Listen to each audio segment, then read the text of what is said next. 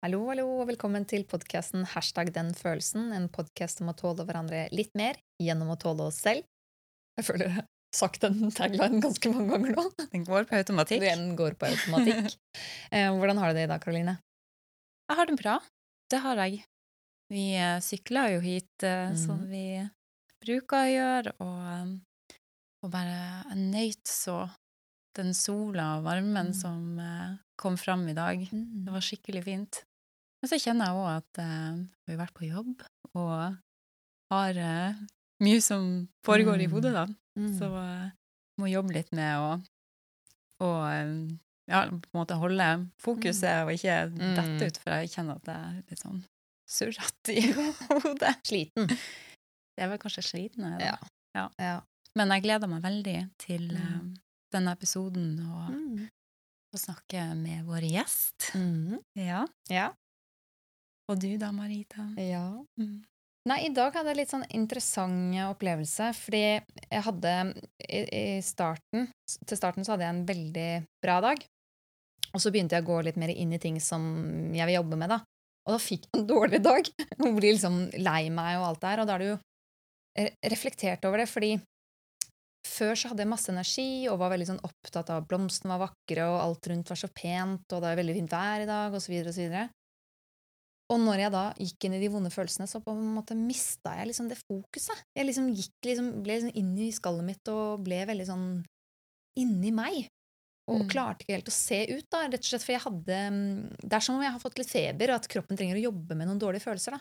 Mm. Og da begynte jeg å reflektere at da er det egentlig litt naturlig å tenke at um, man skal bare unngå å gå inn og, og se på de dårlige følelsene hvis man eh, får, så dårlig, får en dårlig dag av det. Ja.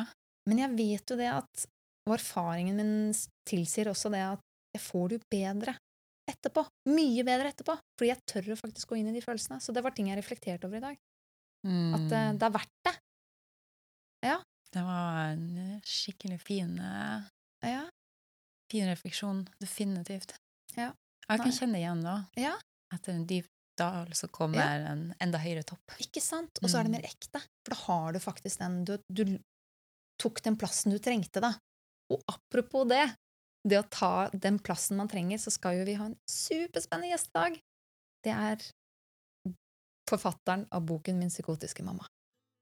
Og hvordan det er å ha fokus på sin mor, og ikke på seg selv når man vokser opp. Mm. Det kan bli spennende. Jeg gleder meg. Jeg òg. I had any feelings left in me at all, it'd be for me. Just me.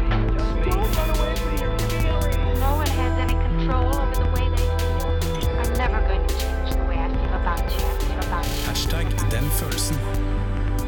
En podkast om å tåle hverandre litt mer gjennom å tåle oss selv.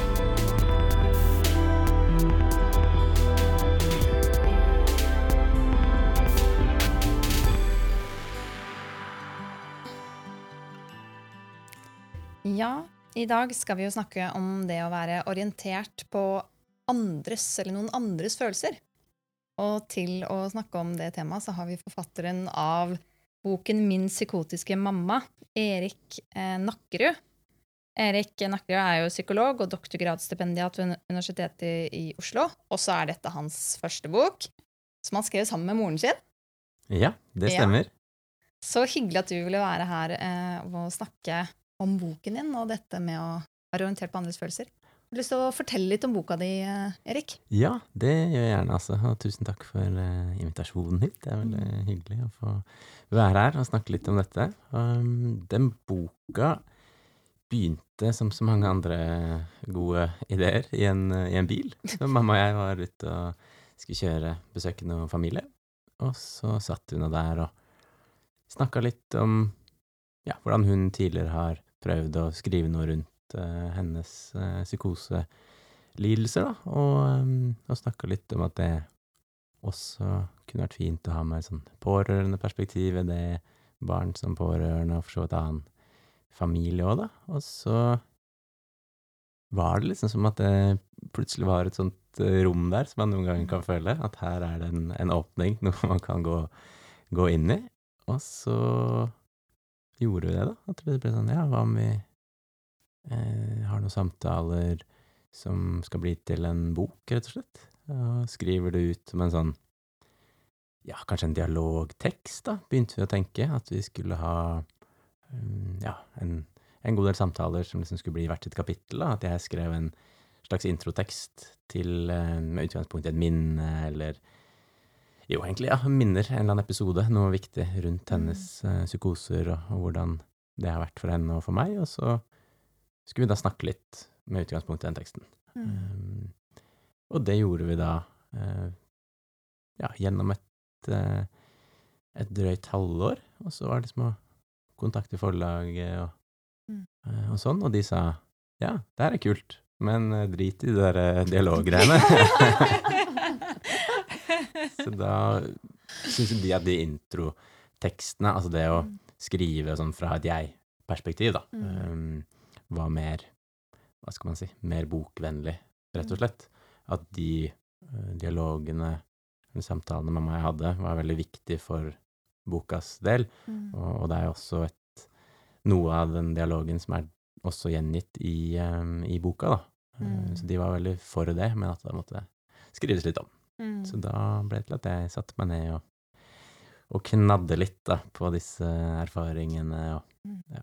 Så da er det jo slett en bok som, som handler om eh, ja, mammas eh, psykoser og, og litt sånn bakgrunn for forsøk på å forstå hvordan hun Mm. ble, ble sånn, da. Hvorfor, eh, hvordan denne kule, tilstedeværende mammaen Mm. gjennom hva skal jeg si, eh, 14 første årene av livet plutselig ble en sånn litt fjernere og etter hvert psykotisk mor, da, med liksom det, ja, det psykose innebærer av Mm. vrangforestillinger og hallusinasjoner og, Mm. og liksom en helt annen um, en helt annen virkelighetsforståelse, rett og slett. Da. Mm. Um, og hvordan det da ja, preget meg og, uh, og vår relasjon, da. Så det er liksom Mm. forsøk på å forstå uh, både hennes historie og min historie og, Mm. og felles historie, da. Ja. Hva var det som gjorde at du hadde lyst til å skrive den boka? Var det noe liksom følelse bak det, eller hva var Ja, ideen kom opp i en bil, men liksom hvor kom den, det ønsket fra?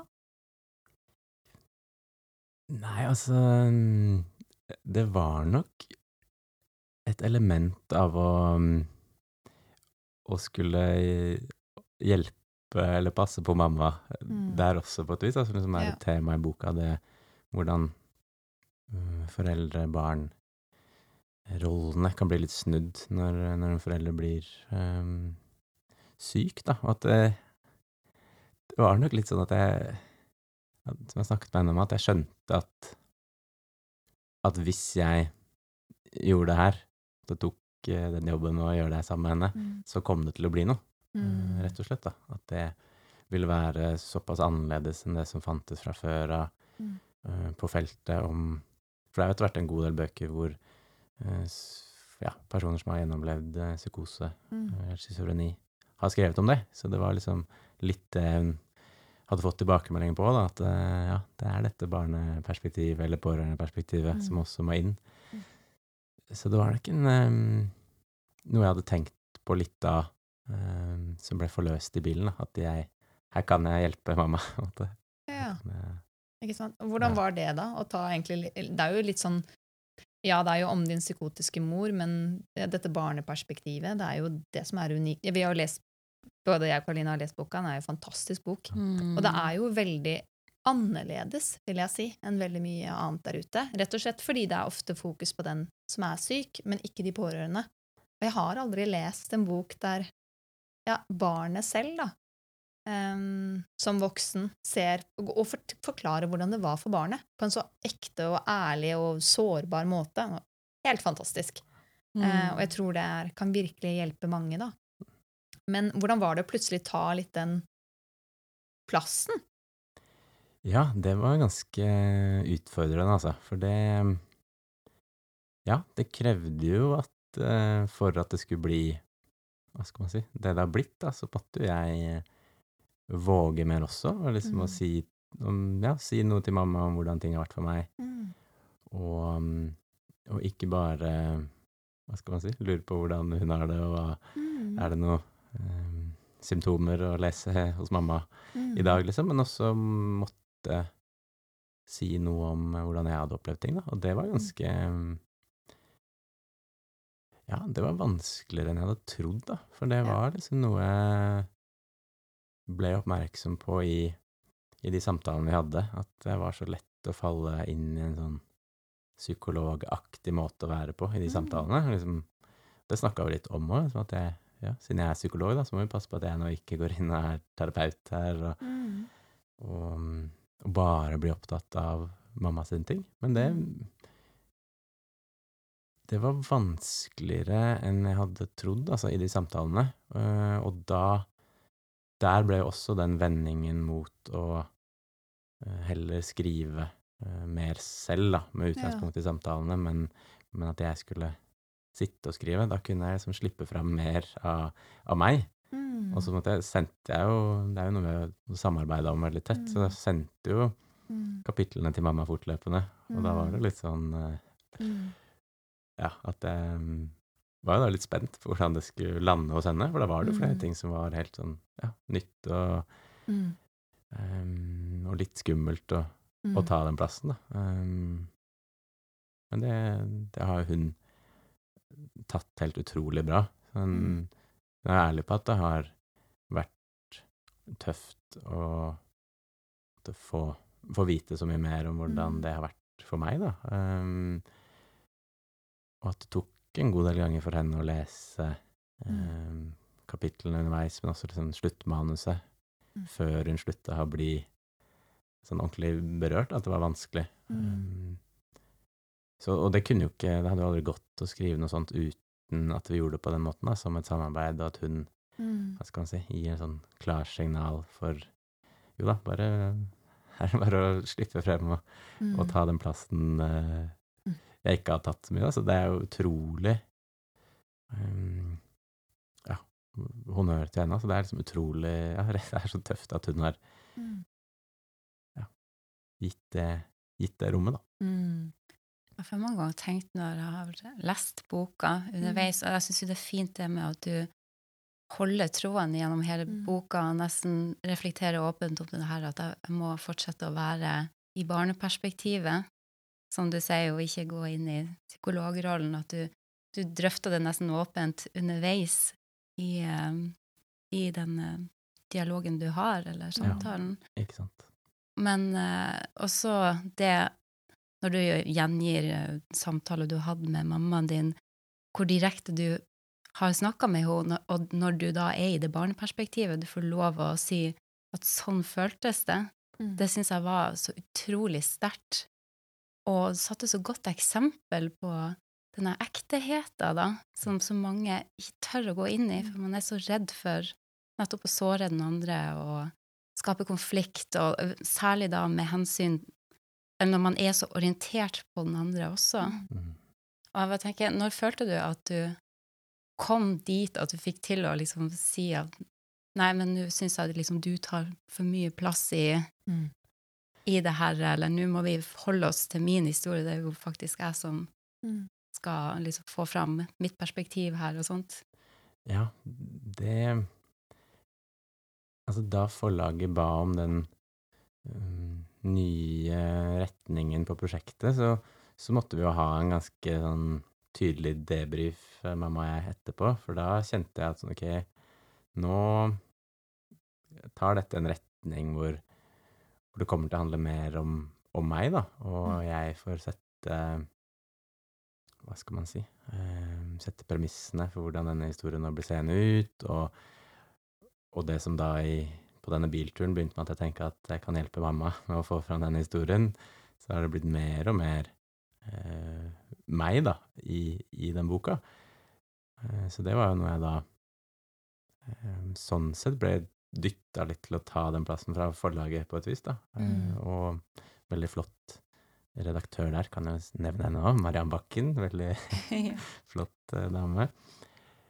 Så mm, da begynte det å skje, og så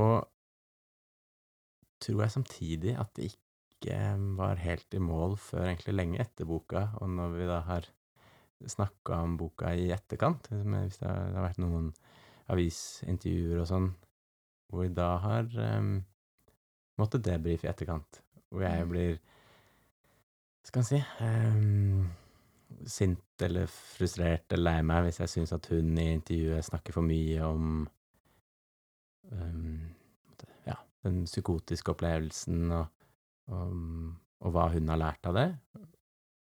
Fordi da på den ene siden så er jo jeg også veldig opptatt av å forstå til og med psykose som noe meningsfullt, altså noe som ikke bare kommer som lyn fra klar himmel, men at det har ja, mm, på mange måter er årsakene ganske like som, som andre psykiske lidelser. Da. Trenger ikke å bli Mm. sett på som noe helt sånn speisa. Så jeg jo, deler jo det perspektivet. Men så kommer det derre barnet, da, som Mm. sier at ikke, ikke snakk om det her som bare noe som var viktig, og som man har lært noe av. For, at, eh, for barnet så var det jo kaos og, og, og kjipt, liksom. Og, ja, så da er det nok først når vi har kunnet hatt de de rundene etter boka, at det har blitt etablert at jeg liksom Mm. ja, sier fra med, med mitt, da, Mm. og ikke bare um, ja, ikke passe på at hun hvordan blir det for mamma hvis jeg nå sier at dette var Mm. kjipt for meg? Uh, blir hun da stressa og, og i verste fall syk igjen, da? Så, Men Klarer du liksom å, å, å kjenne at du kan gå litt ut av det og, og, og bare være i den rollen nå, og ikke være redd for at det skal trigge? Ja. Mer og mer, i hvert fall. Um, ja. Jeg skulle nok på et vis ønske at det Nå var det blitt sånn, og så er liksom den kampen ferdig, på et vis. Mm. Men, men jeg kjenner nok at det er noe jeg må um, passe på liksom hele tiden, da. I, ikke bare overfor mamma, men sånn, sånn generelt, da. At det er um, Ja. At det er fort gjort å At det ja, at det kan være sånn komfortabelt å liksom forholde seg til hennes ting, da. At det, Mm. Og det har hun jo sagt også, um, helt sånn direkte, at eh, ja, det kan jo hende at du passer på meg mer enn det jeg trenger, Erik. Mm. Liksom sånn, Mm. jeg føler at det går greit nå. Det er ikke sikkert du trenger å, Mm. Å gå rundt og lure, da, og ha på eh, radaren, som hun sier. Ja. Du trenger ikke å Ja. Mm. Og det har vært en veldig sånn ja, ehm, øyeåpner for min del òg, da. å Liksom få den litt sånn ja, realitetsorientering der. At, eh, Mm. at jeg har fått litt sånn eh, mammas forståelse av meg også, da. Ikke bare min Ja. forståelse av henne og min forståelse av meg, men at hun også kan Mm. gi litt sånn eh, Ja, gi det derre blikket utenfra som man jo trenger for å forstå seg selv Mm. Ja. bedre. Og det Hjelpe deg litt ut av omsorgsrollen, egentlig. Ja, Ja. ikke sant? Rett og slett. Ja, ja, det er jo omsorg i det. ja ikke sant? Veldig. Ja. Absolutt. Siden jeg kan ta ansvar. Mm. For det er jo det, hvis man er syk, da, så er det jo det man kanskje er redd for. At man, den andre ikke klarer. Ja. Og det er jo Jeg syns jo det Nei, du har jo en sånn passasje i, i boken der du liksom starter med at du får liksom mail av henne, og så går du rett inn i henne igjen, dette med liksom å ha Er hun syk nå? og liksom fullt fokus på henne. Så ser du den transisjonen over til at dere begge to skal ta plass. Ja. Eh, og den syns jeg er så vakker, den Men også veldig sånn Det høres ut det er jo, det er jo ikke så lett. Det høres ut som det er en stor prosess bak det, men det er veldig fint. Og jeg satt og tenkte, for det er jo dette med å være barnet som egentlig mm, jeg, jeg kan se for meg at det kan være vanskelig å ta, ta den plassen. Mm. Mm. Ja, for det, Det er for det, er sånn- jo, ja. ja, det er litt som det ble sagt her i stad, liksom det å være redd for å såre noen eller trigge, Mm. men også liksom det å bli avvist, da. Ikke sant? Det, er sånn, det er to sider der, at man må passe på den andre, men også liksom hva hvis jeg nå går ut på isen, og så er den ikke trygg, rett og slett, da. Ikke sant? Det er jo ganske Og barn trenger jo den tryggheten. Ja, Ikke sant? De trenger å vite at foreldrene ikke drar. Ja. Ikke sant? Og hvis man da plutselig blir, blir omsorgsperson for foreldrene sine, så er det jo lett å da tenke at da må jeg ta ansvar. mm, Det var jo dette uttrykket med at et barn vil heller være en eh, djevel i himmelen enn eh, en eh, engel i helvete. For da har barnet mer kontroll på at eh, det er sikkert meg det er noe galt med. Eh, Ja. Så det, det, er liksom, det er veldig kraftfullt, da. Ja. Sånn som det du snakker med om at barn gjerne vil ha en unnskyldning, og foreldre vil gjerne ha en takk. Og jeg, jeg føler du utfordrer det jeg har sett før. For du er så mye mer modig med å si 'nei, her, jeg skal ta den plassen'. Og jeg tror det er en sånn For meg var det sånn Wow, det er den tøffeste personen jeg har, møtt. Nå kjenner jeg det òg, så jeg så for det. Men bare wow. Det er en sånn Det er så viktig. Kanskje vi kan utfordre de rollene litt mer. Kanskje man kan svinge litt mer og, eh, og være litt omsorgsperson og litt liten og hele pakka. Ja. Hele livet.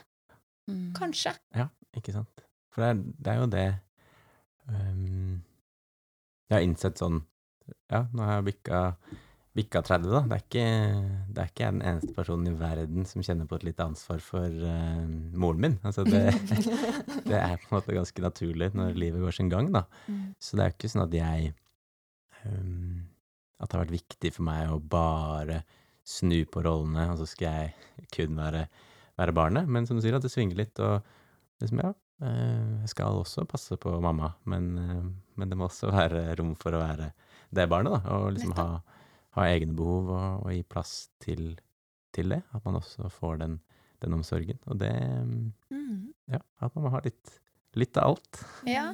Også moren din kan få lov til å være liten Ja. og syk. Også, ikke sant? At det er mer rom for alt, da. Mm. Og så er det jo veldig eh, Ja. Det eneste som er selvfølgelig som man syns er vanskelig, er jo det at når barn er involvert og får for mye ansvar for tidlig, så er jo det en utfordring. At Mm. man kanskje kan være flinkere til å komme raskere inn, da. Ikke sende hun for tidlig hjem, Mm. for eksempel. Ja. Eh, med, med unge barn som ikke vet hva de skal gjøre. Mm.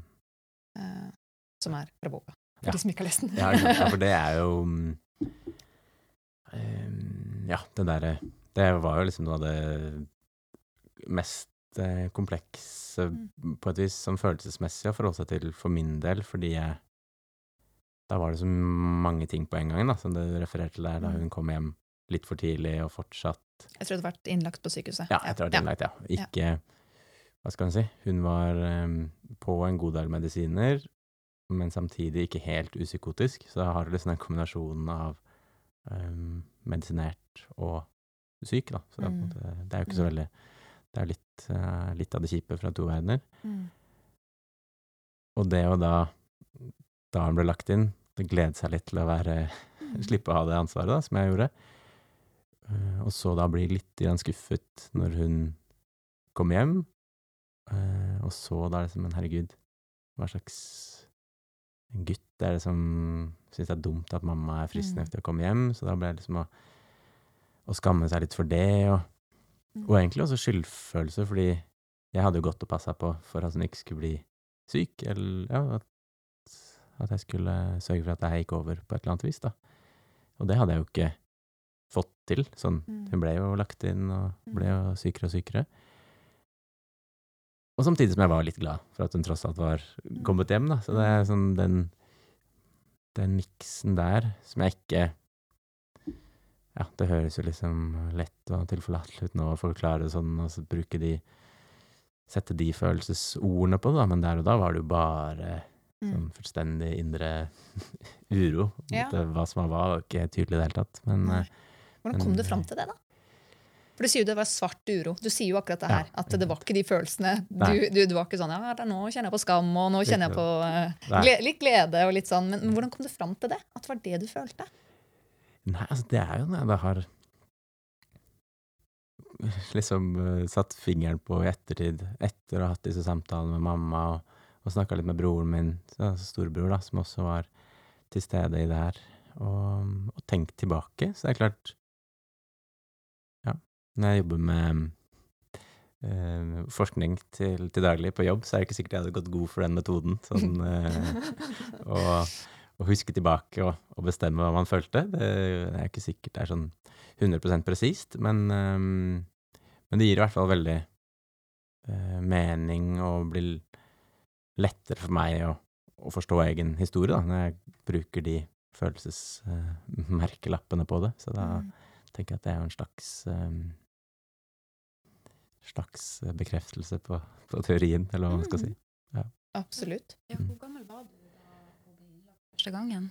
Da var jeg 15, og da hadde det pågått ja, et halvt års tid, da. Så jeg var liksom 14 og et halvt da det begynte å bli eh, ordentlig Hva skal man si? At, det ble, at hun ble annerledes, og jeg begynte å bli annerledes, da, som en konsekvens av det. At jeg var mer hjemme, rett og slett. Og ja, det er jo et ganske tidlig tidspunkt å bli overlatt til seg sjøl, også i et eh, slikt kaos man er i puberteten. Ja. For det første har sin egen prosess med å på en måte vokse til, og så får du det, de ytre omstendighetene da med mammaen din, Mm. og det kaoset det representerer da. Og så sitte alene etter at hun er, innlagt og har liksom følt på det her kaoset som har bygga seg opp. Hvordan må Jeg bare tenker Den følelsen Det må ha vært, eh, som du sier, veldig komplekst, men vil du si noe mer om akkurat det? Ja, altså Det jeg husker veldig godt, var at jeg gikk eh, ned i kjelleren etter at mamma da hadde blitt kjørt eh, vekk og skulle legges inn. Gikk ned i kjelleren og satte på en eh, klesvask. Og så satt jeg der og så litt på at det snurra rundt, og tillot meg da liksom for første gang på, på veldig lenge å gråte litt. Og liksom, ja, fikk en slags sånn um, Ja, det var noe forløsende når mamma lagt inn, og det er liksom Ja, nå er det rolig. Men det var nok det På en måte siste bearbeidelsen av, av det der, da. Ehm, da var det nok litt at jeg tenkte at ok, her eh, her er jeg jo egentlig voksen. Sånn Da var jeg blitt 15, da. Så det Jeg tror nok jeg da tenkte litt på det som, som ganske mange som opplever noe kjipt, eller har det kjipt i livet, tenker, da. At det er andre som har det verre. At det veldig fort blir en sånn eh, et uh, verdensmesterskap i lidelse, hvor man ser at det er noen andre som ja, gjør det bedre enn en selv. Uh, så det der, det var Ja, om jeg ikke begynte med det allerede da, så gikk det ikke lang tid før jeg var opptatt av å se det sånn, da, at, liksom, at andre hadde, hadde det verre, og at det ja, var ikke noe å liksom, bry seg med, egentlig, eller Mm. Distansere seg for følelsene, rett og slett. ikke Ja. Ja, rett og slett. Ja. Si at det her er ikke noe Jeg bryr meg ikke. Nei, ikke Ja. sant. Det her er um. Ja, det er ikke noe vits i forhold til det. At det er liksom Ja. sutring eller sånn Ja. svakt eller et eller annet sånt. Ja. Men fikk du spørsmål fra andre om hvordan det gikk med deg? Altså, var det noen som fulgte deg opp da du var hjemme? Ja, altså Tanta mi, moren Nei, søsteren til mamma, hun var veldig mm, sånn på broren min og meg, da. At liksom Ok, hvordan, hvordan går det her? Og må si fra hvis vi ville prate med noen, at det kunne ordnes, og, og fulgte opp. Men da da hadde jeg liksom tatt på meg en eller annen sånn rustning eh, for lengst, altså. Så da, da var det nok veldig vanskelig for henne å skulle nå inn der. At det Ja, da var det bare å svarte nei, det går bra, jeg har det fint. Det, det var selvfølgelig leit at det skjedde, eller noe sånt, Mm. men, men det går bra nå.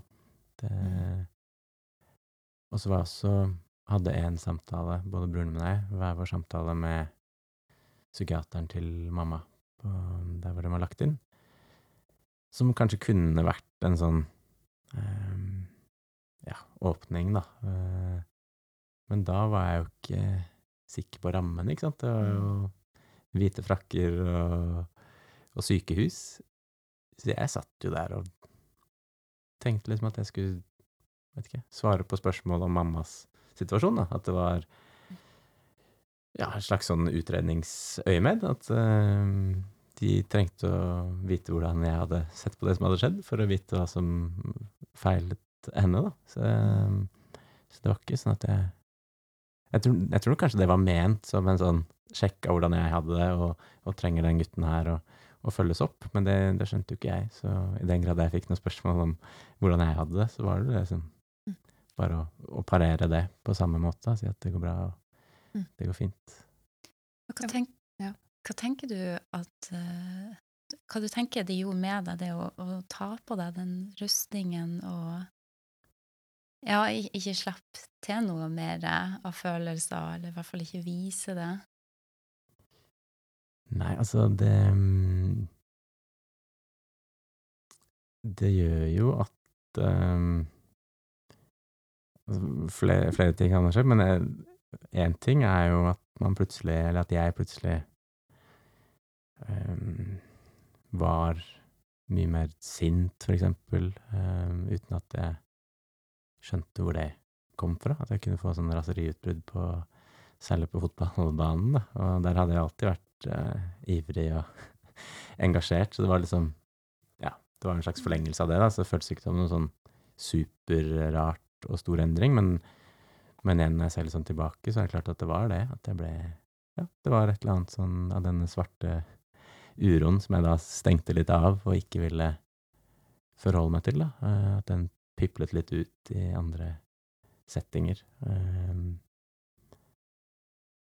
så det at det er det ene, og så som det andre var det at jeg ble mye mer orientert mot andres følelser, da. Både under, hva skal man si, opptrappingen mot at mamma ble syk, og det å lure på hvordan hun hadde det, og er, hva er dette for noe egentlig? Eh, prøve å stabilisere hennes eh, syke så mye som mulig, da. Um, og at det da ble noe jeg fortsatte med, og etterpå når hun kom hjem, som er overvåke nærmest hennes følelsesliv litt mer, da. Mm. Sjekke etter ting som eh, er tegn på at noe ikke er som det skal, og så blir det da litt så som så med å, med å kjenne etter hvordan man selv har det, da. At det liksom Mm. ble sånn eh, ja, en litt uheldig kombinasjon av å ta på seg rustningen og, og Mm. være veldig fokusert utover, da. Mm. Ja. Men, ja, det å fokusere utover viser jo ofte, eller sånn som jeg ser det, når man har overskudd. At man har overskudd til å kunne være der for andre. Og det kan jo ofte tolkes som om 'Å ja, du har det fint'. Ja. Eh, Jeg bare tenkte at kanskje det kunne være en av grunnene til at man ikke trodde at det var noe galt. Ja, det tror jeg Hvis du skjønner? Ja. Jeg tror det er veldig rett i det, altså. At det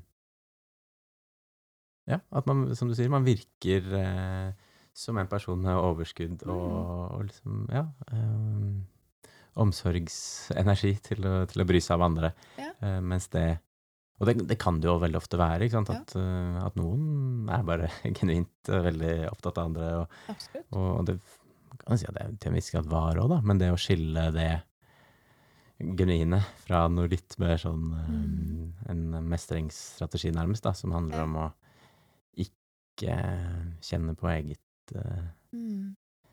følelsesliv, rett og slett. Det er jo lett å tenke at liksom, hvis noen stiller deg spørsmål, og så tenker du 'Å, hva vil denne personen høre nå?' For at denne personen også skal ha det bra. Ja.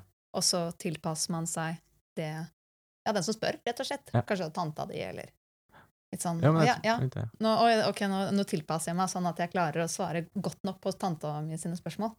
Og så Å ja, ok, nå fikk jeg den avsjekken. Og så igjen har man bare aldri vært inne i seg selv, da. Mm.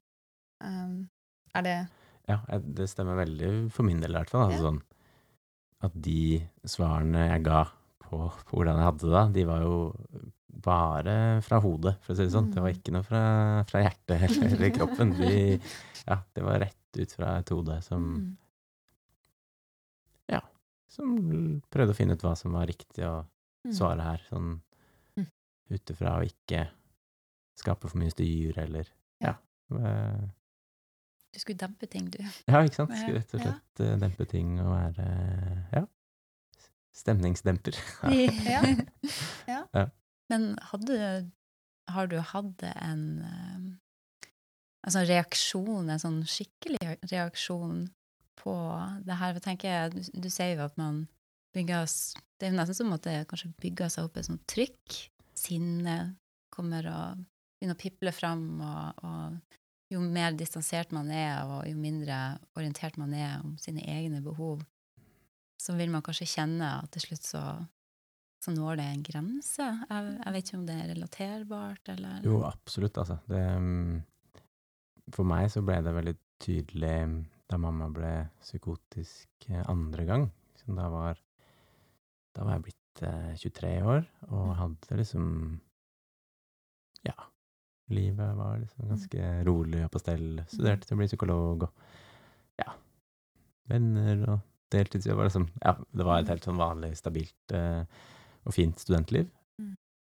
Og så tok jeg Hva skal man si Det var som at den gangen hvor jeg da var 23, ble mye verre enn da jeg var 14. Ja. Fordi Ja, jeg bodde jo ikke med mamma lenger, og det ble liksom mer plass til Det var ikke farlig hvis mitt kom fram, da. Eh, Mm. Så da var det som at alt som tidligere ikke hadde blitt eh, tatt tak i, liksom skulle, skulle frem, da. Sånn særlig mm, veldig mye sorg fra ikke direkte den første psykosen til mamma, men året etter hvor det skjedde mye i livet, at vi flytta, og Mm. eh, mormor som døde. Vi hadde bodd i generasjonsbolig, så det var liksom veldig Mm. tett. Og det å skulle flytte fra det som var liksom paradis for min del, var liksom også sårt. Og, um, ja, og katten min, som jeg hadde et uh, helt sånn um, Ja, veldig nært forhold til. Sånn nesten litt uh, rart at Eller, eller ikke rart, men det er liksom Ja, det er nesten Når jeg tenker tilbake, så er det litt trist å se en sånn gutt som er så knytta til katten sin, da. Mm. At det sier et eller annet. Men um, Men i hvert fall at det hadde jo da ikke fått den, den plassen um, som en 16 år gammel gutt kanskje hadde trengt at det skulle få, da, for da var jeg jo fortsatt opptatt av å ikke ja, skape for mye uro, Mm. og ja, at ikke mine ting skulle ta for mye plass, da. Mm. Så da skulle særlig det liksom mye fram da, eh, Mm. åtte år etterpå. Mm. Og da ble det igjen dette fotballsinnet som var helt uh, over styr, da, med slåssing på fotballbanen og røde Mm. kort i hytt og gevær. Um, så det var liksom veldig ja, sorg som ble skrudd om til sinne. Etter hvert så ble jeg veldig opptatt av sånn emosjonsfokusert terapiteori, om hvordan følelsen som kommer til uttrykk, ikke Mm. nødvendigvis er den samme som den som ligger under. da. Ikke sant? Så det er da jeg har blitt um, Sekundærfølelser og sånn. Ja, ikke sant? Mm. Sånne ting. Så da, da var det jo igjen, da, sånn i ettertid, Mm. veldig, gir veldig mening for meg å tenke at, den, eh, Mm. at det sinnet som kom fram, Mm. var mer sorg, rett og slett, da, som hadde ligget under der og ja, pipla, som du sier, og, og fått uh, Ja. Stu, ja, styre på uten å komme ut. Mm. Og så, altså, det sinnet var én ting, men også begynte å få det, ja, angstanfall, sånn okay, litt mer klaustrofobi-type, eller Mm. ja, sånn teater, kino, kollektivtransport. Det å Mm. Shit, nå sitter jeg her. Eh, Mm. hvis jeg vil ut nå, Ja. så kommer jeg til å skape en scene. Mm. Eh, det er ikke noe gøy. Og. Så det kom også det året da jeg var 23, da, og mamma ble syk for andre gang. Um, og så veldig mye drikking, som liksom ble en del av, av det, den pakka der, da. At Mm. det nok var eh, ja, drikking som skulle gjøre, gjøre mer enn bare studentfest og moro, da. Det var Mm. liksom et sånt noe som gjerne skulle dempes litt. Så da var det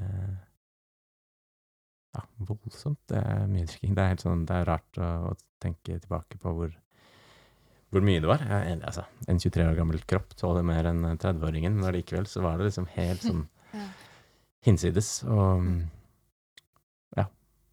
Men når man står i det, så skjønner man liksom ikke at um, ja, hva skal man si, en dysfunksjonell mestringsstrategi. Man skjønner jo ikke at den er dysfunksjonell når man Mm. Nei. står der. Det føles jo ja, kult. naturlig. Ja, jeg er en fyr som, som liker å være på fest, og ja, folk Jeg fikk jo liksom Folk syntes jeg var kul å være med når jeg drakk, og liksom Ja, ja, dette er jo Mm. sånn det skal være.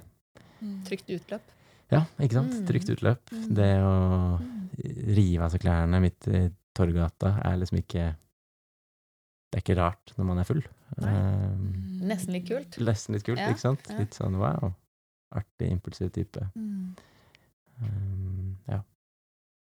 Og det kan jeg kjenne igjen i, faktisk. Ja, eh, ja hvis man eh, i studietida og sånn, hvis man, hvis man drakk litt mye, så kunne jeg ofte liksom skamme meg etter at eh, Når jeg skjønte at jeg hadde mista litt kontroll. Ja. At jeg har! Shit! Var det det som skjedde? Og da går rett Og da ble jo også alkoholrusen negativ. Ja. Og da var det liksom ikke noe gøy Du kunne begynne å grine. Og... Mm. Så nå syns jeg det er så interessant hvordan folk reagerer på alkohol, faktisk. Litt sånn «Hæ, Har du noe du vil snakke om? At det kommer liksom underliggende følelser som kommer opp. Folk som f.eks. blir sinte, eller Mm. Jeg, jeg syns det er interessant, da. Ja. Rett og slett fordi jeg også kan merke selv hvordan jeg kunne reagere. Ja. Så ja. Og også hvordan jeg har mindre behov for å drikke nå, fordi jeg vil heller være mer til stede. Ja. Med de jeg er med, da. Det, er, det er veldig interessant. Altså, Ja. Jeg har en kompis um, som sier at um, ja, når man drikker, da kommer far opp fra kjelleren. Det er litt sånn, jeg synes det, ja, det er et litt godt bilde. Det er et veldig godt bilde. veldig godt bilde.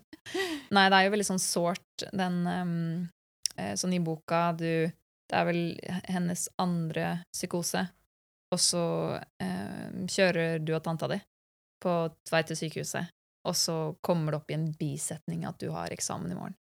Og da Jeg kjente den uh, Ja, hvor, hvor, hvor liten du hadde blitt i forhold og, og, og hvor lojale man er mot foreldrene sine. Hvor liksom Det ligger så sterkt da, i oss å liksom Ok, det her er faktisk det viktige Og det var jo alvorlig. Mm. Selvfølgelig, hvis man ser det sånn. Det er jo viktigere enn en eksamen, så videre. Men igjen, bare sånn Ja, nei, jeg er bare Og så kunne jeg se for meg hvordan jeg hadde vært for en eksamen. Tittel nylest og vært superstressa over det. Og hvordan du bare måtte legge alt til side, liksom. Legge det livet ditt til side, Ja. på en måte. Ja. Og, og samtidig hvordan det for meg liksom ble en sånn Jeg vet ikke Det, det, det passa nok inn i en sånn uh, idé Altså, jeg, jeg tenker ofte at det er veldig vanlig å like å se på seg selv som et sånn løvetannsbarn. at ja. man er liksom Hva er det man sier? Rags to riches, Ja. zero to hero. At det, det er et veldig sånn eh, attraktivt narrativ, da. Mm. Eh, så jeg har nok um, vært der en god del selv. At Mm. det da å Ja, ja, så kjører jeg Mm. mamma til legevakta og Mm. videre til Ahus natta før eksamen. Mm. Dra på den, og det er liksom Det ordner seg. Det går greit. Her har jeg hatt Mm. disse kårene, men jeg står her, jeg. Mm. Som, som jo er litt sånn motsatt av det jeg snakket om i stad, med å Mm. ikke ja, tenke at det, det man opplevde, ikke er så ille og sånn. Mm. Um, men det å da ha en sånn ja, hva skal man si En slags eh, kontroll på den balansen, da, hvor man Mm. selv føler at 'nei, men det er ikke så ille', Mm. og så sier folk 'ja, men det her er jo skikkelig tøft', Mm. og 'hvordan klarte du det her', og sånn. Mm. Og det Ja, det var nok noe jeg drev med ganske lenge og syntes var en ålreit måte å forholde seg til det på, da. At det var liksom Ja, vise fram litt sånn kontrollert lidelse, eller Ja. Det er litt hva sa du det òg? Ja, ikke sant? Det er veldig sant? Sånn Ja. å gjøre det til noe ja, Jeg er ikke sånn- sårbar. Nei, ikke sant. Det ikke Nei. det. Er, det, at, ja, det er interessant, men ikke sårbart. Nei. Ikke sant. Ja. Og det kjenner jeg så igjen også. Den, eh, ja, det med å liksom Hvis man har det veldig vondt, og det er veldig skummelt å vise at man f.eks. har dårlige følelser Kanskje plutselig jeg må ta plass, ikke sant? Hvis man er vant med at mange andre tar plass. Og så nå skal jeg vise Jeg skal ikke være den kule, jeg skal ikke være den snille, jeg skal ikke være Jeg skal rett og slett bare være en som tar plass. Og så kan det komme en sånn Ja, men det er litt interessant òg, er det ikke det? Og så må man intellektualisere det og gjøre det litt sånn spennende. Mm. Istedenfor at det bare er nok Ja. Mm. med å ha det vondt. Man er god nok uansett. Ikke sant. Det er akkurat det. Ja, jeg kan eh, kjenne, Når du nevner det her med narrativ, altså det er så viktig å skape denne eh, identiteten eller bildet om seg sjøl. Og kan jo relatere veldig til det. Altså familien min, eh, mamma og pappa ble skilt på et tidspunkt. Og det var jo en veldig sår opplevelse for alle sammen. Og jeg var knust, men jeg var også like knust over å se mamma og pappa så lei seg på hver sin kant, og så var det sånn gå veldig inn i den hjelperollen og det jaget etter å, å skulle være der for alle andre enn meg sjøl, og ikke få til å romme mine egne følelser og ta den plassen, fordi narrativet var jo at jeg var en hjelper, og at nei da, det går bare, det går fint med meg, og litt den derre tapre uttrykket, liksom. Mm. Men eh, at også det ble et sånn innkapsla sinne og en sorg eh, som Ja, det ble jo veldig Det imploderte og kom ut i de her destruktive atferdsmønstrene, som for eksempel drikking og kjøre litt sånn ekstra fort og være litt sånn farlig på en Mm. måte. Begynne å snuse Mm. og kanskje banne litt ekstra eller noe sånt. Mm. Men uh, iallfall at det, det bare kom ut i de her forskjellige andre måtene, men fortsatt at jeg kunne være en hjelper med litt Mm. edge. Ikke sant? Ja, for det er, akkurat- det er jo helt perfekt, ikke sant? Ja. Å ha Ja, til og med å kunne ha den der edgen. Det er Mm. liksom Ja, gjøre igjen. Ja. Det er å gjøre det til noe interessant og, Ja. og kult og stilig, og at man har fått til noe, da. Og så er den der Ja, sårbarheten som blir litt sånn Mm. innkapsla og Mm. utilgjengelig, da. Ja. Og jeg har gjort det med kontroll. Ta kontroll og, overalt, og at alle har det bra, og, og utrolig urettferdighetsfølelse hvis jeg først da spør om hjelp og ikke får det. Åh, krise! Hallo! Nå har jeg, og da eh, kanskje da med litt alkohol inn i bildet, plutselig går rett i kjelleren og mister kontrollen, for det er sånn Nå endelig har jeg end... Og så er det jo ingen som Alle ville jo vært der hvis jeg hadde spurt. Men jeg har kanskje tatt overkontroll Mm. for å passe på at alle har det bra. Selv om ingen spør.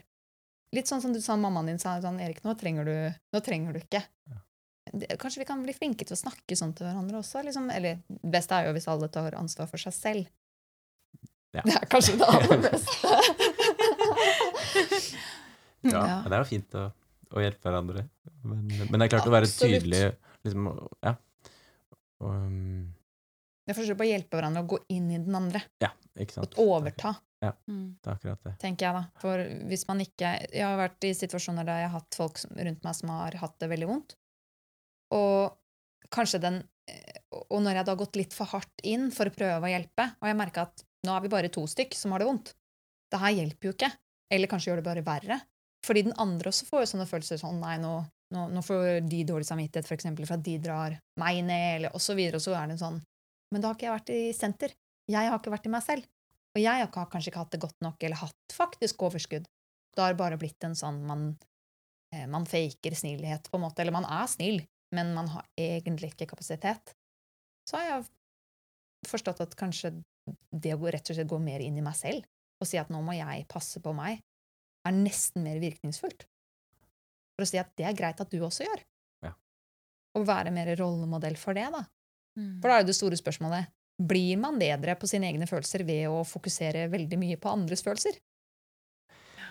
Nei, altså Det er et veldig godt uh, spørsmål, og, for min del så er jo svaret nei. Nei. Det Nei. Det blir å Det blir å bli veldig god på andres følelser, det. Kun det. Kun det, ja. Altså Mm. Man kan forsvinne veldig lett. Ja, man kan det. Man Ja. blir eh, Kan bli veldig utydelig for seg selv, da. Fordi Mm. eh, andre er så tydelige, eller i hvert fall man tror, da. Det er, Ja. ikke, det er ikke sikkert at jeg har eh, skjønt ting så godt som jeg har trodd heller, men i hvert fall trodd at jeg, at jeg forstår andre veldig godt og følger veldig mye med på andres Mm. følelser, da. Og at da har jeg eget havnet i Ja. Ja. Og det var interessant. Fordi jeg har også trodd at jeg var veldig god på andres følelser, men skjønte at jo flinkere jeg blir på mine egne, jo bedre blir jeg faktisk på andres følelser. Ja. Så jeg har egentlig ikke vært så god på andres følelser. Jeg har kanskje lagt til Jeg har veldig mye mitt narrativ, eller eh, tolk, veldig mye tolkning, da. Ja, Fordi jeg for eksempel ser en situasjon som farlig, og så har jeg glemt å tenke at jeg er litt engstelig akkurat nå. og så, når man egentlig spør litt folk, og sånn Nei, det gikk helt fint, det. Å ja, ok, det var egentlig jeg. Ikke sant? Ja, Ja. det er akkurat at, hvor, at man farger sånne situasjoner selv, da. Ja. Og mm, ja, det tror jeg veldig på. Det er noe jeg liksom nesten eh, så jeg ikke vil si høyt, for jeg skammer meg over det. Men altså, da jeg begynte å jobbe som psykolog etter studiene, så merka jeg jo at um, at disse tingene tok rett og slett for stor plass. Eh, at jeg Ja, eh, jeg klarte ikke å å skjønne godt nok, fordi jeg drev og farga ting selv. Mm. Altså, noen ganger så kunne det treffe, men jeg, det var nok sånn at eh, mine reaksjoner i terapirommet var for mye mine, da. Det var Mm. ikke Det var ikke liksom et sånt uh, avklart uh, rom hvor at andres ting kunne ta plass. Det ble sånn at jeg reagerte litt med mine ting, og Mm. faen, blir ikke sint der, liksom, eller ja, Ja. Mm. sånne ting, da. Så da ehm, Ja, det er sånn man tenker at som psykolog så skal man ha helt kontroll eh, for å kunne gi rom for andre, da. Men det er jo ikke alltid man har det, rett og slett. At det er veldig vanskelig å Fantastisk at du sier det, Å, for det første. Jeg vil Jeg sitter ja, også bare bra. Fordi jeg tror at det at du er bevisst det, gjør deg til en bedre psykolog. De som ikke er bevisst det. det, Ja, det er i hvert fall et steg på veien. så må man, eh, Absolutt. Ja. Ja. Eh, Nei, jeg syns det er fantastisk. Ja, takk for at du sier det. Jeg tror s- Igjen tilbake til bare hvor, hvor ærlig, direkte og modig du er, Erik. Når jeg satt og leste, så igjen, du, du snakker et språk eh, og tar en plass som du fortjener. Og du sier egentlig at alle andre barn kan også gjøre det. Og det tenker jeg er liksom Ja, nei. Jeg har grått så utrolig mye. Jeg sendte også melding til deg etter at jeg leste boka. bare Jeg hulkegråt som barnegrining Mm. av den boka. Så, og det er fordi du er så modig, og du tør å sette ord på ting som, som veldig få gjør. Som, som er viktig, det er viktig å bli sagt, fordi barnet i en sånn situasjon er viktig. Mm. Og gjennom at du tar den plassen, så sier du 'jeg er viktig'. Og da viser du til oss andre at vi kan være viktige. Ja. Mm. Det, ja, det er utrolig fint å høre. Kjenner jeg blir jo veldig sånn eh, ja, takknemlig, rett og slett, da, når, eh, når jeg hører deg si det, og, og ja, som du sa eh, i melding, og, Mm. og som jeg har hørt andre si, at, Mm.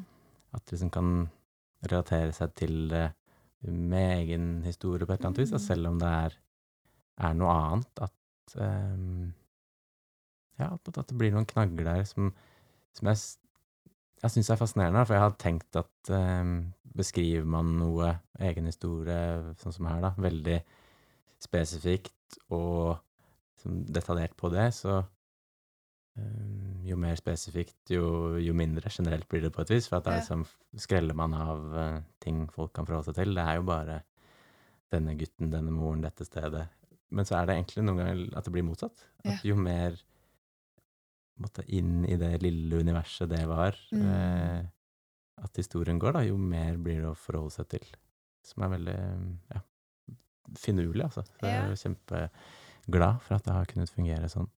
Ja. Veldig mange har jo vokst opp Ja, og kanskje det. hatt en eh, foreldre eller noen i nær omgangskrets som har kanskje vært dårlig i en periode. Mm. Mm. Og, og, eller funnet ut hvordan er det når man må sette fokus på andre. Og så er det noe med, og så kan man sette, og, og, og hvilke følelser vekker det? Det trenger ikke å være en lang periode eller kjempealvorlig. Eh, og noen ganger er det det. Så det er jo veldig gjenkjennbart. Det er bare at du våger å ja, si noe mer da, om hvordan det har vært, da, som er veldig modig. Eh, Virkelig.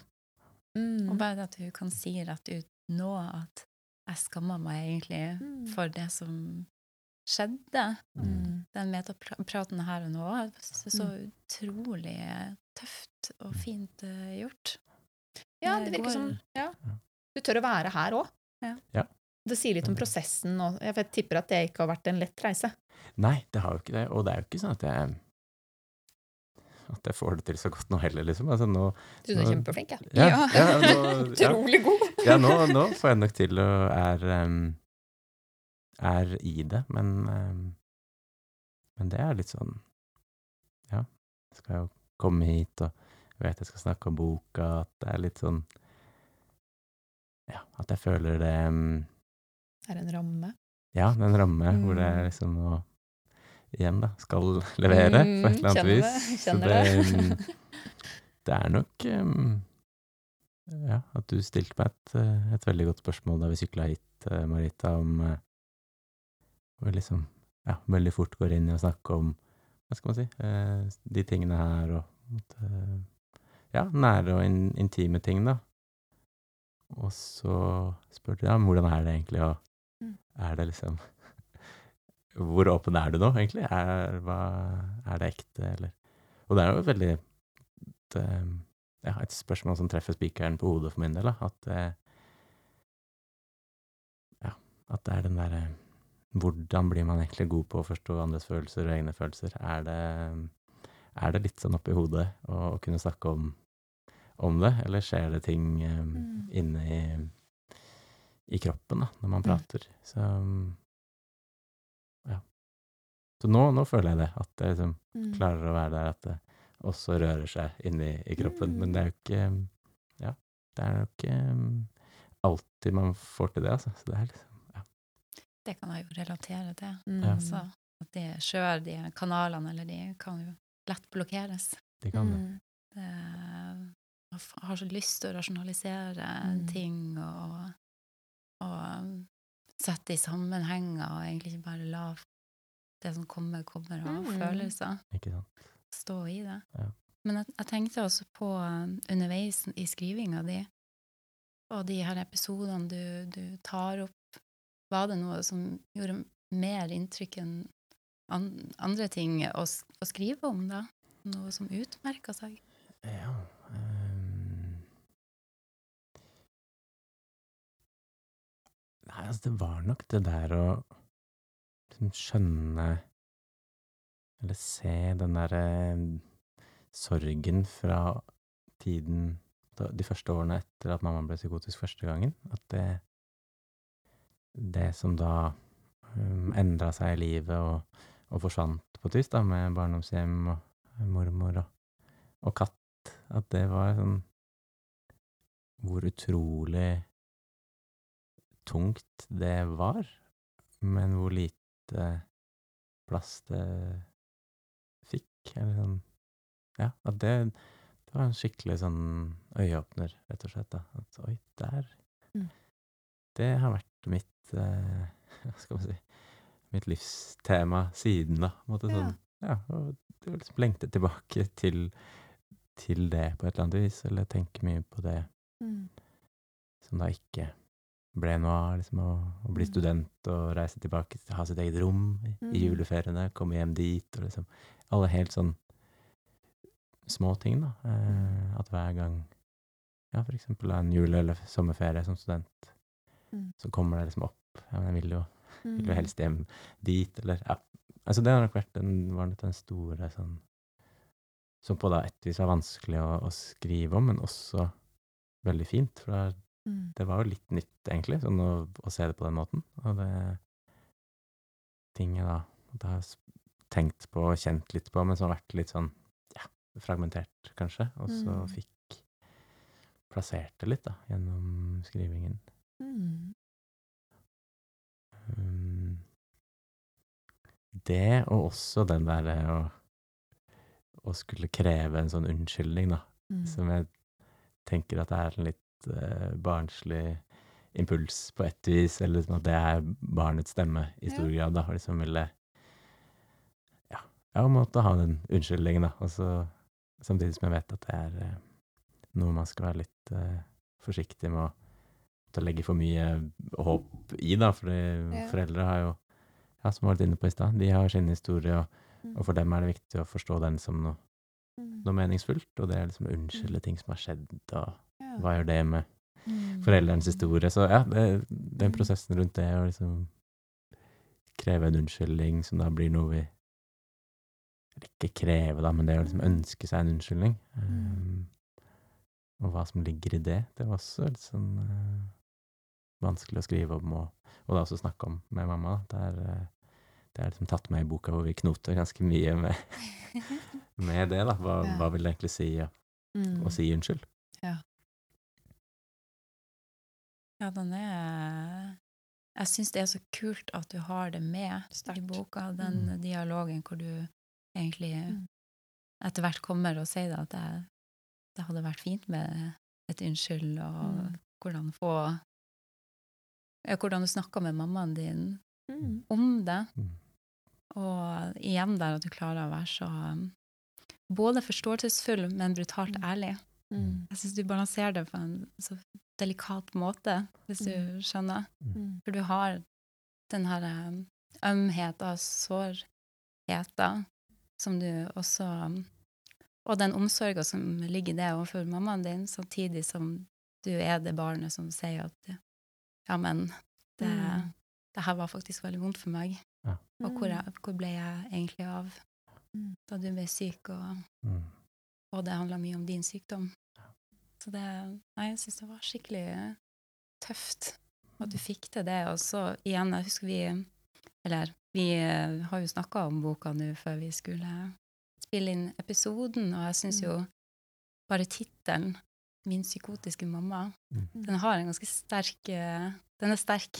Ja, den er ganske sånn eh, rett i, i fleisen, og er Mm. nok ikke en tittel jeg kunne satt sånn på egen hånd, tror jeg. Så det var Mm. faktisk eh, mamma, da, som sa da vi hadde møte med redaktøren vår og knota litt med tittelen, og Mm. ja, mine ideer hadde så mange um, ulike tegnsettinger og tankestreker og det ene og det andre, så det var liksom Det var bare knoting, da. Og så sa hun ja, kan vi ikke bare kalle den uh, min psykotiske mamma? Fantastisk. Altså, det var utrolig Ja, veldig kult av henne. å Liksom bare Ja, gå for den. Mm. Ja. Eh, Og for det ser man jo litt igjen i den dialogen nå, at hun liksom klarer å stå i, i dine følelser. Ja. Det syns jeg er innmari tøft, det, det perspektivet også. Mm. Eller det at hun, at hun gjør det. Ja. Mm. Ja, det er helt uh, utrolig kult, eh, rett og slett. Og sånn Ja, det Det å liksom få rommet det også eh, i en relasjon som har vært Altså, den har alltid vært eh, dritkul å snakke med om eh, hodeting, da. Altså Mm. det, når jeg har uh, surret på universitetet med psykologi eller hva det nå er, og Mm. Det, politikk og historie og samfunn og alt, så er hun veldig Hun har liksom lest alt og kan noe om alt og er helt uh, Mm. et av de kuleste menneskene å prate med om, om intellektuelle ting, for å kalle det det. Og så det, og da At hun også, da, gjennom den prosessen her, kan, eh, kan være en jeg snakker med litt mer sånn ja, sårbare ting om, da. Mm. Det er jo helt eh, ja, ordentlig kult. Mm. Jeg syns dere er modige begge to. Dere muliggjør jo, eh, ja, gjennom det prosjektet, da, at begge to kan ta den plassen. Og det er jo da veldig modig av begge to, Mm. egentlig. Det er Sånn, og sterkt. Og da mener jeg ikke sånn Jeg mener jeg sånn styrke. Styrke fra begge to.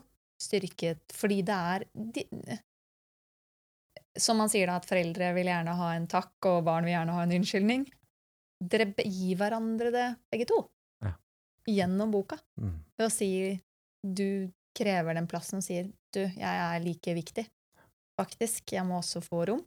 Og hun vil jo gi deg den plassen. Mm. Ja. Og hun er også viktig. Ikke Ikke sant? sant? Så det er liksom en Ja. Ja, det er liksom Ja, det er kanskje dumt å si, da, fordi um, jeg forventer ikke Eller jeg, jeg tror ikke alle må, må skrive en bok med moren sin for å få relasjonen på plass. Men, men jeg føler jo Ja, kanskje, kanskje man burde det. Men jeg føler jo virkelig at den, at den prosessen vi da har vært gjennom, har gjort at ting At veldig mye faller på plass, da. Har Ja. liksom- Hvordan er relasjonen nå?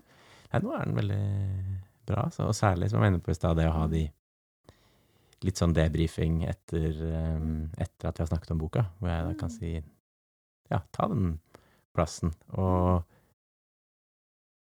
ja, og ikke hva skal man si ikke vente på å bli spurt, eller um, eller prøve å si litt, og så liksom sjekke hvordan det lander, og om det blir fulgt opp, Mm. men bare si ja, nå er det sånn her for meg. Um, så vet du det, eller Mm. Ja. ehm, Og da merke at det går jo fint, det. Det, er ikke, det blir ikke Det er ikke sånn at hun da blir veldig satt ut og stressa, og Mm. at hun blir psykotisk fordi jeg tar den plassen, men at det faktisk Mm. går an, da. Og, mm, ja, og det er noe jeg tenkte på i stad, for et eller annet vi snakka om, det der å ha en sånn um, idé om hvordan man vil at folk skal spørre eller lytte til det man selv har lyst til å si det om, da, som man går og, og bærer på. At det er nok noe jeg da har vært veldig sånn em, Hatt noen strenge krav til hvordan jeg vil at folk skal lytte og Mm. stille spørsmål. Ja. Um, og at det da er Vi snakka om det i stad. Hvor mye ansvar har man selv for å Mm. måtte, ja, finne ut av ting, og hvor mye kan man få hjelp fra andre, så er det nettopp det å tenke at det man i hvert fall må gjøre selv, er jo å kunne være tydelig på hva man trenger. Da. Sant? At nå Mm.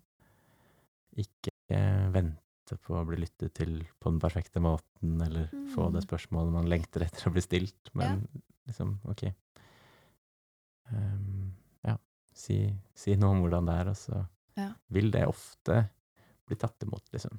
Ganske Mm. greit, altså, hvis man er, Mm. våger å være litt sårbar. Ikke sant? Mm. Um, Mm. Men hva tenker du om eh, hvis man tar det i barneperspektivet, da? Når eh, man kanskje ikke har de verktøyene for å klare å Eller se det. ja, ja, språk, ikke sant. ja, se det Mm. og det Eller klare å stå i det, da. Ta den Mm. plassen og tørre å være sårbar. For man har jo, lager jo de her forsvarsmekanismene som du, du fortalte om sjøl. Ja. Mm.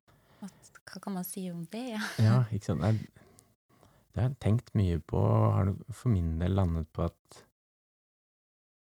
at det å være litt sånn eh, modell, da, at voksne kan være det, si sånn Ja, når, når man opplever det her, så er det ikke helt uvanlig å føle sånn, eller Mm. når, ja, når noen sier eller gjør noe sånt, så kan du kjenne sånn, og, og at det for min del er Jeg tror det hadde hjulpet meg ganske langt på vei, da. Sånn, Mm. ja, nå, nå har det vært sånn her at, at moren din har fått flere og flere av disse psykotiske symptomene, og, og det er sånn og sånn, og når man opplever det som eh, den 14-15 år gamle gutten du er, så Mm. er det ikke helt uvanlig at man måtte kjenne på skyldfølelse for at man ikke har eh, passet Mm. nok på, eller Mm. at man er eh, sint på moren sin for at hun blir syk, eller liksom, ja, å få de ja, få de ordene til det der eh, indre kaoset som ellers ikke er så Ja, lett, og man kan ja, det er liksom, ja, det er veldig viktig poeng det du tar inn der. Man kan jo ikke Mm. bare vite hva, hva Mm. det er for noe. Men eh, de ordene må man måtte få, Mm. få fra et sted, da. Litt som man eh, Man lærer jo ikke bare å sykle. Nei. Mm. Det er jo støttehjul og en forelder som Eller noen andre som holder sykkelen bak, og så Ja. slipper etter hvert. Og, ja. Ja, Det er sånn vi holder på med barn nå. Ja. Nå, nå, nå ser jeg at du blir frustrert. Og så tenker Ja. man, ikke sant? Nå, Ja. ja. nå ble du sint. Ja, det er fordi jeg lager eh, maten på en litt annen måte nå. Og det er vanlig å bli sint, men, men, men vi må, og da skjønner jo barnet å ja, jeg er sint jeg er nå. Ja. Ikke sant? Så Man bidrar til å fargelegge verden. Ja, ja. litt sånn, ok, da fikk jeg kontroll på det. Det er Mm. det jeg føler. Mm. Så det med å si at det er vanlig å kunne få eh, For vi snakka litt om det. det med sånn, er det vanlig å eh, kunne få tanker og følelser som man kanskje skammer seg litt over? Som man syns er litt sånn rare, eller som man kanskje ikke tenker at man skal Det er veldig vanlig. Mm. Ikke sant? Å ja, ok. Ja, ja, forresten, jeg fikk en sånn rar tanke. Ja. det er helt greit. Og det er vanlig at man tenker at man ikke skal si det høyt. Men det, jeg kan anbefale deg å, å snakke med noen om det. Så slipper du å bære For det er veldig vanlig. Og du har ikke gjort noe galt. Mm. Ikke sant? Mm. Ja. Og så, å ja, ok. Tenk å bli møtt på den Ja. måten Mm. når man står i så mye og ikke helt vet hvordan deale med det. Ja. Og få noen til å, å hjelpe det litt Ja. fram, det man trenger å snakke Mm. om. Mm. Jeg tror det er kjempeviktig å få sagt til de som, eh, som eh, står i en slik situasjon da, og ikke Mm. helt vet. Mm. Både voksne, da, og særlig dem rundt de barna. Mm. Mm. Det, Ja, rett og slett inn på sånn Ja, speile litt, da. Ja. Eh, hva, hva det her kan innebære å gjøre med folk, og, liksom, ja, Mm. og gi noen knagger og liksom, rammer for å forstå ting som virker kaotisk og vanskelig å forstå. Ikke sant? Og så kan man jo også gå tilbake igjen, sånn som du sa den med med um, forskning med hvordan man husker ting og sånn, men man kan jo faktisk huske ting på nytt Man kan det. gjennom å jobbe med å bearbeide det som skjedde. Så hvis man har opplevd noe for lenge siden, sånn som du har, eh, så kan man jo jobbe med det nå også. Eh, hvis man da ikke fikk hjelp når man var liten, f.eks. for eksempel. Ja. Så kan man jo huske ting på nytt, eller jobbe Mm. med det. Du, du skriver jo et eller annet i boka om at du er redd for at du overdriver for dramatisk, og ja, om du skaper noe mer enn det Mm. som var. Mm. Og jeg, jeg syns liksom det er så fint at du, du lander på det, at men, men det her kommer fra barnet. Ja. Så om det stemmer eller ei, det var min opplevelse, og den skal jeg få lov å eie uansett. Mm. Og det, det syns jeg er et viktig poeng å Mm. ta med, i hvert fall når det kommer til det han er Man kan være redd for å ta den plassen igjen, ikke Mm. sant? Det, det går jo på det at man er, er, er redd for å, å, å gi følelsene for mye plass, for Mm. herregud, blir, blir det riktig i forhold til andre? Ja. Iallfall Mm. igjen den orienteringa utover. Ja. Så jeg syns det var også en sånn fin, eh, Mm. Fint poeng som kom fram. Mm. nettopp det der. Ja, for det er jo eh, Jeg tenker hoved... Eller i hvert fall en av mange utfordringer. Man kan gå litt sånn narrativt til verks og liksom prøve å få historien til å Ja, ting man Ja, narrativ terapi, rett og slett, da, som jeg også viser til i boka. At, at når man skal gjøre det, så er det jo en, en fare for å dra på for mye, eller at liksom hvert fall, Kanskje i hvert fall en fare for at man føler at man gjør det. At, mm. at man overdriver og Ja. At den måten å Mm. gi, gi mening til ting som tidligere har føltes meningsløst på. mm. da, da får du plutselig en annen tyngde, da. Så da må man jo Mm. liksom ja, stå, i, stå i den tyngden at å ja, det, det jeg opplevde der, det betyr det her og det her. Og så Mm. Men kan ikke det også endres når ting blir litt lettere? Jo. Ja, At det liksom, da er det så farlig å, å dramatisere litt og smøre litt på. Så ja, det var min opplevelse da, og så kan det bli bedre Ja. seinere. Herregud, jeg satt akkurat og tenkte Nei. på det. Jo. Ja, Jeg, jeg, jeg, jeg kunne relatere til meg Ja. at eh, når vi først liksom begynte å nøste ut i det her, så Ja. kjente jeg veldig på at det var litt sånn dramatisk, eller følte det sånn, og, og ting var veldig stort. Opplevelsen var stor, men så etter hvert, når jeg nesten har snakka det litt i hjel, Ja. tenkt det litt i hjel, så det så er det ikke den samme historien lenger. Men det er fortsatt min historie. Mm. Den, den er der, men den har Mm. ikke det samme trykket Nei. som den første, Mm. første hadde. Ikke sant? Og da har den kanskje ikke det samme, samme grepet om det heller, ikke sant? Ja, ikke sant. Når trykket forsvinner. Ja. Mm. Styrer ikke like mye. Ja. Mm. Jeg syns det er interessant det med liksom um, Jeg kan se på, på meg selv. Det, jeg, det som skjedde da jeg var liten, det var det noen andre som var ansvarlig for. For da var jeg et barn. Men nå er jeg voksen. Og nå må jeg ta ansvaret. Jeg kan forstå hvorfor ting skjedde, men jeg må ta ansvaret selv. Nå når jeg er voksen. Men da jeg var et barn, så var det noen andre. Så det er liksom å plassere Jeg tror det er viktig, i hvert fall i min, eh, min prosess, også det med å plassere ja, egentlig bare bli kjent med seg selv, og det å liksom, ok, hvor skal jeg ta ansvar, hvor skal jeg ha dårlig samvittighet, hvor skal jeg liksom si at ok, når jeg var, da jeg var barn, da var jeg faktisk barn. Da var det noen andre som var ansvarlig for meg, men nå er jeg voksen. Mm. Nå kan jeg ta ansvaret for de følelsene igjen også. Var det ikke noen andre som var ansvarlig for meg? Mm. Nei. Ja, det er viktig, for jeg tenker det handler jo veldig mye om å kunne bære Ja, følelsene sine. ikke sant? man ikke legger det over på andre heller. Mm, Så eh, ikke sant? ja, lettere å deale med også når Ja. man eh, Eller det er jo da man får nøsta ut i det, når man eh, ser at det, det, det ansvaret ligger i meg, Ja. selv om noe som skjedde da, gjorde veldig vondt, og det var ikke Ja. min feil, det. Mm, Mm. Så ja. mm. Men som barn skal voksne ta ansvar. Ja. Helt klart. mm. Det skal ikke barn gå og bære på, Mm. tenker jeg. Hvis vi bare har den grunnregelen. Da Ja, jeg tror det kan eh, Ja. ta ansvar for deg sjøl. Hvis ikke du er foreldre, da skal du ta ansvar for barna dine òg. Sant? Frem til de blir voksne. Ja. Ja. Har vi noe mer vi skal snakke om det med fokus på andres følelser? Vi har vel konkludert med at man blir ikke bedre av å sette fokuset på andre. Jeg, må- jeg må til og med øve meg litt faktisk på dette med å minne meg Hvis det er mye som skjer, da, og i perioder det har vært mye fokus på andre, litt sånn Oi, hvor er jeg nå? Mm. Å ja, der var jeg. Og da må jeg liksom nesten visualisere at jeg sitter på den stolen, jeg kjenner tyngden på liksom rumpa på, ned på stolen, og så her satt jeg. Ok. Og så ser jeg ut av øynene mine. Der var jeg. For hvis ikke så kan jeg bli så Det faller så naturlig å bare gå rett inn i den andres følelser. Ja, ikke sant. Å, jeg, jeg vil hjelpe. Å, hvordan har du det nå? Spesielt hvis noen har det vondt, da. Da det en- Men det må liksom Ok, hvor er jeg hen? Her var jeg. Å, der var jeg. Ja. Ok. Hva føler jeg nå? Nei, ting er egentlig ganske fint her. Mm. Ok, jeg trenger ikke å ha det vondt selv om noen andre har det vondt. Da hjelper jeg faktisk ikke. Det er noe med å være en voksen som går i skogen med et lite barn. Hvis den Mm. ene er redd, så trenger ikke den voksne å bli redd. Men hvis man går ned til å bli to barn, så blir jo begge redd. Ja. Og det hjelper ikke. Det kan eskalere hele, hele situasjonen.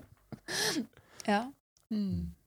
Men jeg hadde et spørsmål bare sånn eh, Hva er det Tenker du er den viktigste læringa for deg i denne prosessen? Og Jeg skulle stille det òg. Oi, viktigste ja, kanskje litt sånn vanskelig Har du spørsmål, lært? men ja. Hva sitter du igjen med sånn um, Hva hadde du ikke regna med? også? Nei, altså, jeg hadde nok ikke Nei, det viktigste, da, er nok at det å Å være sårbar ikke er så farlig som jeg hadde trodd.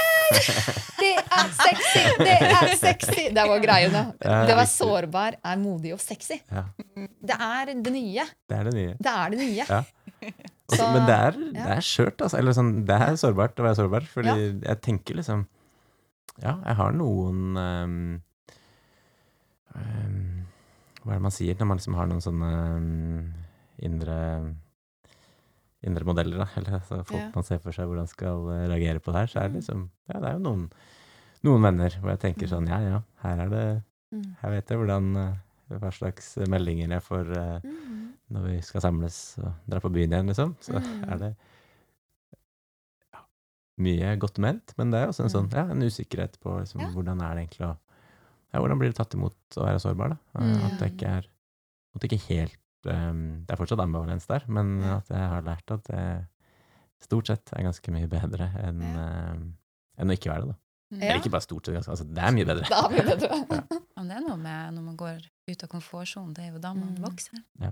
Og gir seg sjøl mer og mer plass. Ikke sant? Ja. Så det, Det Mm. Og så ser man at man er god nok. For da har man jo vært seg sjøl. Mm. Og så får du bekreftelse på at ja, det var faktisk deg vi likte. Ja. Istedenfor en maska Ja. Som man tror man har kontroll på. Mm. Ja, da kan man plutselig bli trygg på verden Da Ja. Da er det ikke så farlig å være der, for nå har jeg vist faktisk hvem jeg er. Det var veldig fint. Folk likte det. Ikke sant? Og det gjør vi jo. Vi liker jo folk som er trygge. Og trygg betyr tør å være deg selv. Ja. Og ikke sånn gimmick, eller jeg vet ikke. Men det å være sårbar, si ifra. 'Dette var vondt. Dette var godt. Det likte jeg. Liker deg.' Mm. Og Jeg tenker De som ikke tør å være sårbare, er, tenker jeg ofte er mer usikre. Mm. Og da må man gi ekstra omsorg til dem og Ja. si sånn 'Åh, nå skal jeg gå foran som et godt eksempel.' Det er jeg være sårbar. Mm. Mm. Så kan vi være det sammen. Jeg liker deg som du er. Ikke sant? Også når du ikke har gode følelser. Mm.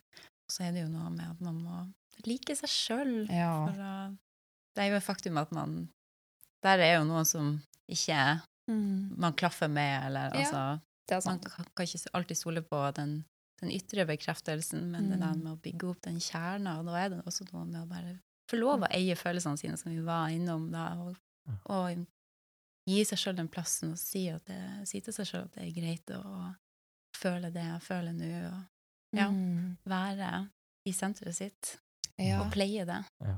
ja. Jeg la faktisk ut noe på Instagram-kontoen vår. Dette med Hva var det igjen? Det er at Noen ganger når vi ikke har kontakt med oss selv, så søker vi bekreftelse fra andre om hvordan vi er. Gjerne hos da andre som heller ikke vet hvem de er. Mm. Og det er litt sånn Jeg sa det litt kronglete nå, men les eh, ja. Les godt Insta. Det, det, godt Insta, yeah. på hashtag den følelsen. Men det var en veldig sånn fint uttrykk da, som kom fra den meditasjonsappen Headspace. Og det var liksom den der, Vi søker så etter hvordan er jeg? Men hvis ikke ingen vet hvem de er, da har de ingen formen formening om hvem du er. i hvert fall. Hvorfor, hvorfor spør vi folk rundt, istedenfor å gå innover og snakke med den som virkelig forstår deg? Deg selv. Jeg lover deg, du får de svarene du vil ha. ikke bare det, men ja. du får en som forstår deg 100 Mm. når man går innover. Mhm. Den skjønner alle forsvarsmekanismene du prøver å lure med. Lure med, ja. Mm. Ja. Mm. Ja. Men en ting eh, jeg kom på som jeg som jeg har lyst til å si, hvis jeg nå er litt sånn avrundingsfase, Ja. så, eh, som jeg tenker på som viktig, og som vi kanskje har sagt litt sånn indirekte, men det med å akseptere følelsen som 100% det Mm. fins ikke noe gærent uh, man kan føle, liksom, men men noe som vi snakka litt om på sykkelen hit òg, da, at Mm. at alt er greit, hva man føler, men uttrykket er Ja. ikke Eller altså handlingen man, man gjør. Så når jeg har vært opptatt av egen historie og liksom forstå den, og hvor veldig mye handler om å akseptere hvordan ting har vært, og hvordan ja, mamma har vært, og jeg har vært, og Mm. vi har vært, og ting har blitt, så, så tenker jeg jo ikke at jeg skal egentlig nødvendigvis akseptere at jeg sparka ned folk på fotballbanen. Mm. Eh, Jeg kan måtte akseptere at jeg var sint, og Mm. at det hadde jeg gode grunner til, men, men at man kanskje liksom må dra Ja. eh, grensen der, da. At, Ja. Man ikke begynner å si at man skal akseptere masse Nei. Ja, slåssing eller drikking eller hva det er. Nei. Men at liksom, ja, følelsen er grei, men Mm. ikke alltid uttrykket, da. Nei, ikke Mm. sant? Men sånn som da kan man jo, sånn som du sitter her voksen og sier sånn, ok, da gjør jeg ikke det mer. Ja, Men ikke sant. skamme seg over at man har gjort det. Nei, ikke sant. For da legger man på en ny følelse over Ja. noe man har gjort som man ikke Ikke sant. Man kan ikke gå tilbake inn i tid. Beklager. Ikke sant. Det går ikke. Mm. Nei. Så sånn sett skal man også akseptere ja, det man gjorde, Ja. på et vis. Men lære av det. Men lære av det. Det er akkurat Ja. det. Tilgi seg selv. Ja. Faktisk. Kanskje den Mm. vanskeligste oppgaven i verden. Ja. Men kan man tilgi en venn, så kan man tilgi seg selv. Ja. Man skal være sin egen beste venn. Mm. Faktisk. Word. Word. Nei. Har du noen ting du vil si? Nei, jeg føler at eh, det ble dekt bra, og Ja. du har kommet med utrolig mye fint. ja. Virkelig.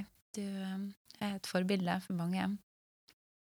Word. Det, det var veldig, veldig hyggelig å høre, og veldig ja, utrolig fint å, å få sitte her og liksom eh, ja, være selvopptatt på et vis. Altså, ja, det er Du jo er ikke selvopptatt. Nei, men altså, ja, det å ta Det å bli gitt, eh, gitt den plassen, det, er veldig, Mm. det føles jo veldig godt å få lov til å være sårbar, da. Mm, Ikke sant. så fint. Så det Så fint at du sier det. Ja. veldig, ja, veldig takknemlig for det. Ja. Og les boka 'Min psykotiske mamma' av Erik Nakkerud. I dag. Bestill den i dag. Tusen takk, Erik. Ja, Tusen takk.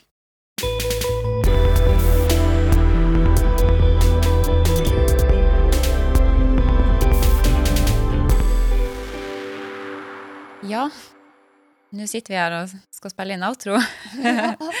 Hvordan syns du det gikk, Marita? Ja, nei, jeg syns jo eh, Erik eh, er eh, ja, igjen modig og, og så flink til å snakke for seg, og, og det er så viktig det han deler, da. Mm. Um, og, og man skulle jo tro at boken handler om på en måte psykose, og, og at det skal være veldig mye fokus på det. Selvfølgelig det er det også. Det er mye interessant der òg. Men, men det handler jo egentlig sånn som eh, du sa da, Karoline, dette med å bli for fort voksen. Mm. Ja, og derfor er på en måte boka veldig universell. Ja. Og han gjør det på en så god måte, da. ja, jeg tenker vi har mye å lære Mm. av, av det han har gjort Mm. med å skrive den boka her, Mm. og tre inn i, et, i barneperspektivet, da, Mm. og tillate Altså endelig gi rom til følelsene sine. Ja. Og jeg, jeg syns det er helt nydelig hvordan han balanserer det At han skriver det som voksen, men, Mm. men fortsatt klarer å holde Mm. barneperspektivet. Mm. Og den, den sårheten, den brutalt uh, ekte Mm. ærligheten, da, altså Mm. måten han er ærlig på, da, at det, det er noe vi kan lære av. Mm. Jeg tror det kan uh, bidra til å få forløst mye. Mm. Så han uh, har sett virkelig et ek eksempel på hvordan det er å, Mm. å være ekte, rett og slett. Ja, han gjør det.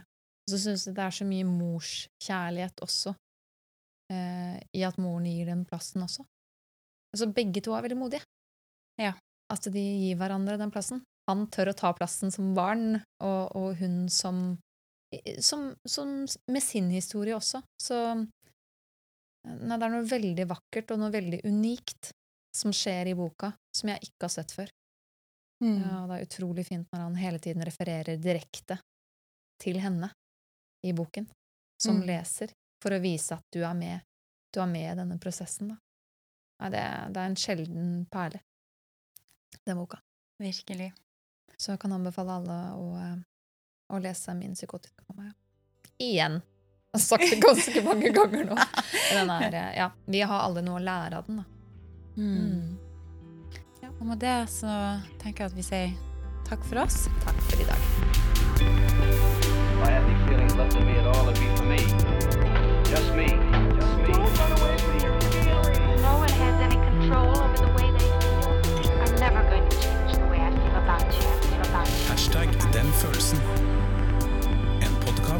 tåle hverandre litt mer gjennom å tåle oss selv.